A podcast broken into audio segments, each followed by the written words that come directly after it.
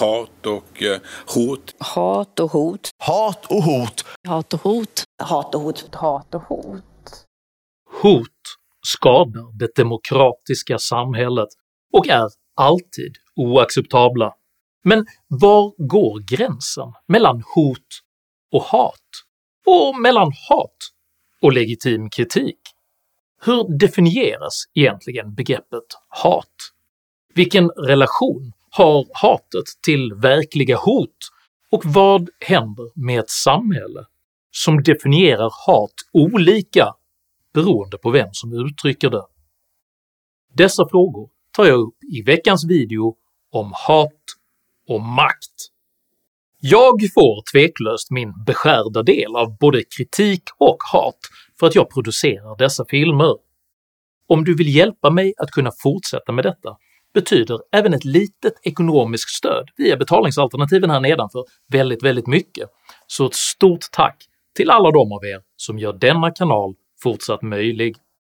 Jag släpper en aktuell ny video varenda lördagsmorgon klockan 08.00, så se till att prenumerera, bli notifierad och att följa min Substack. Idag talar jag om hat, hot och hederlighet. Häng med!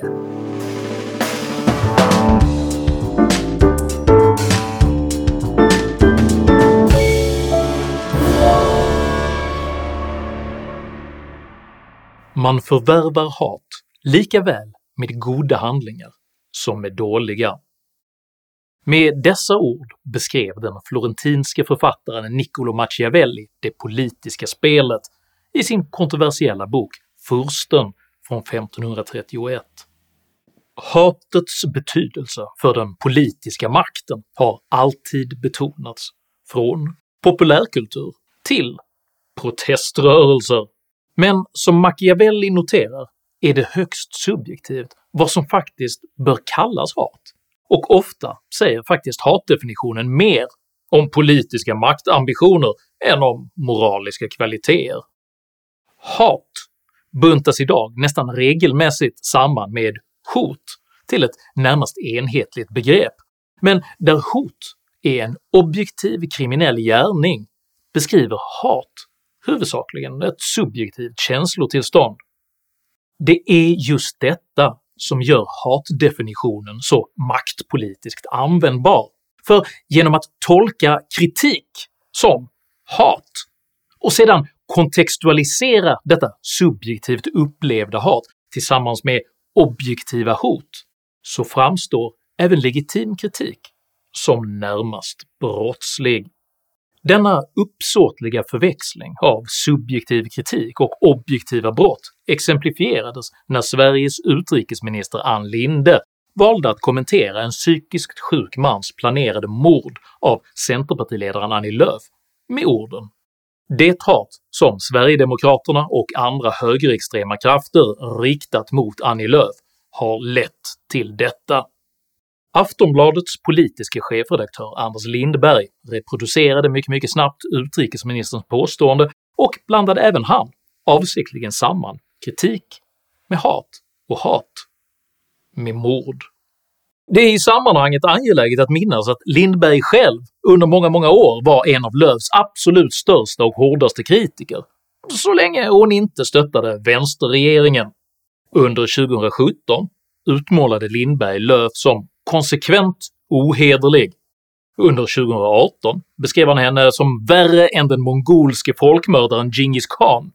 Under valrörelsen förlöjligade han henne konsekvent som hopplöst utanför, sedan trevande ångestfylld och slutligen som en frälsare efter att hon gav socialdemokraterna makten.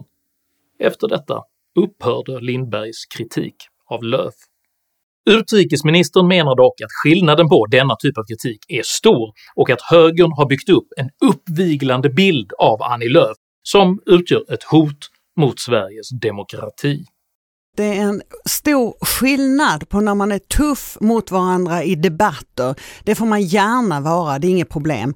Men det man har utsatt Annie Lööf för, det är ju att man medvetet i SD Rikskanalen har haft hundratals klipp där man går in på att eh, säga hon har en psykotisk blick, hon är ett hot mot demokratin. Man har kallat henne olika former av namn, man har byggt upp en bild av att Annie Lööf som person är ett hot mot Sveriges demokrati. Det är skillnad. Utrikesministerns påstående tål att jämföras med socialdemokratiska Aftonbladets demonisering av Kristdemokraternas partiledare Ebba Busch, som bara under 2022 beskrivits som såpadeltagare, hycklare, omdömeslös, omoralisk, charlatan, falskspelare, autokrat, populist och indirekt kriminell. Exakt samtidigt som allt detta använder samma skribent hotet mot Annie Lööf som argument för att all kritik av regeringens ministrar nu utgör oansvariga och uppviglande hatkampanjer. Än mer paradoxalt blir det när både Sveriges klimat och miljöminister Annika Strandhäll och Sveriges justitieminister Morgan Johansson medvetet väljer att misstolka Bush och påstå att hon vill “skjuta skarpt in i folkmassor med kvinnor och barn”. Enligt utrikesministerns logik bygger alltså även dessa båda socialdemokratiska ministrar upp en uppviglande bild och utgör ett hot mot Sveriges demokrati. Ingen av dessa ministrar eller skribenter uttryckte heller någon större oro för just demokratins framtid när Ebba Busch utsattes för bombhot, eller för den delen när riksdagsmannen Hanif Bali återkommande fick sina bildäck sönderskurna. När socialdemokraternas presumtiva koalitionspartner Miljöpartiet kritiseras går däremot både media och politiker man ur huse och beskriver än en gång demokratiskt legitim irritation och polemik som demokratifarligt hat, vilket sedan buntas samman och förväxlas med olagliga hot. När Svenska Dagbladet intervjuade Säpo-chefen Fredrik Bratt och tendentiöst efterfrågade från vilket ideologiskt håll de flesta hoten mot folkvalda kom talade han dock klarspråk. Ideologierna är väl inte det mest framträdande i hoten, utan tyvärr är det psykisk sjukdom som är den mer framträdande ingrediensen. Önskan att använda ideologisk hemvist som kriterium för att avgöra huruvida kritik är legitim eller demokratifientlig är i sig det enskilt största hotet mot just demokratin, eftersom det gör skillnad på hur olika samhällsgrupper ska tillåtas uttrycka sig. Det är uppenbart att vänsterns förmenta oro över hat och hot inte på något sätt beror på omsorg om demokratin, utan ensidigt syftar till att maximera uttrycksmöjligheterna för dem själva och att samtidigt minimera uttrycksmöjligheterna för deras meningsmotståndare. Det är således ingen tillfällighet att regeringen helt undviker sakpolitiska debatter, gömmer undan sina mest impopulära ministrar för att istället på heltid kunna ägna sig åt brunsmetning av oppositionen. Socialister kan nämligen bara behålla makten på två villkor – genom att minimera oppositionens möjligheter till kritik och genom att kunna dölja konsekvenserna av sin egen politik.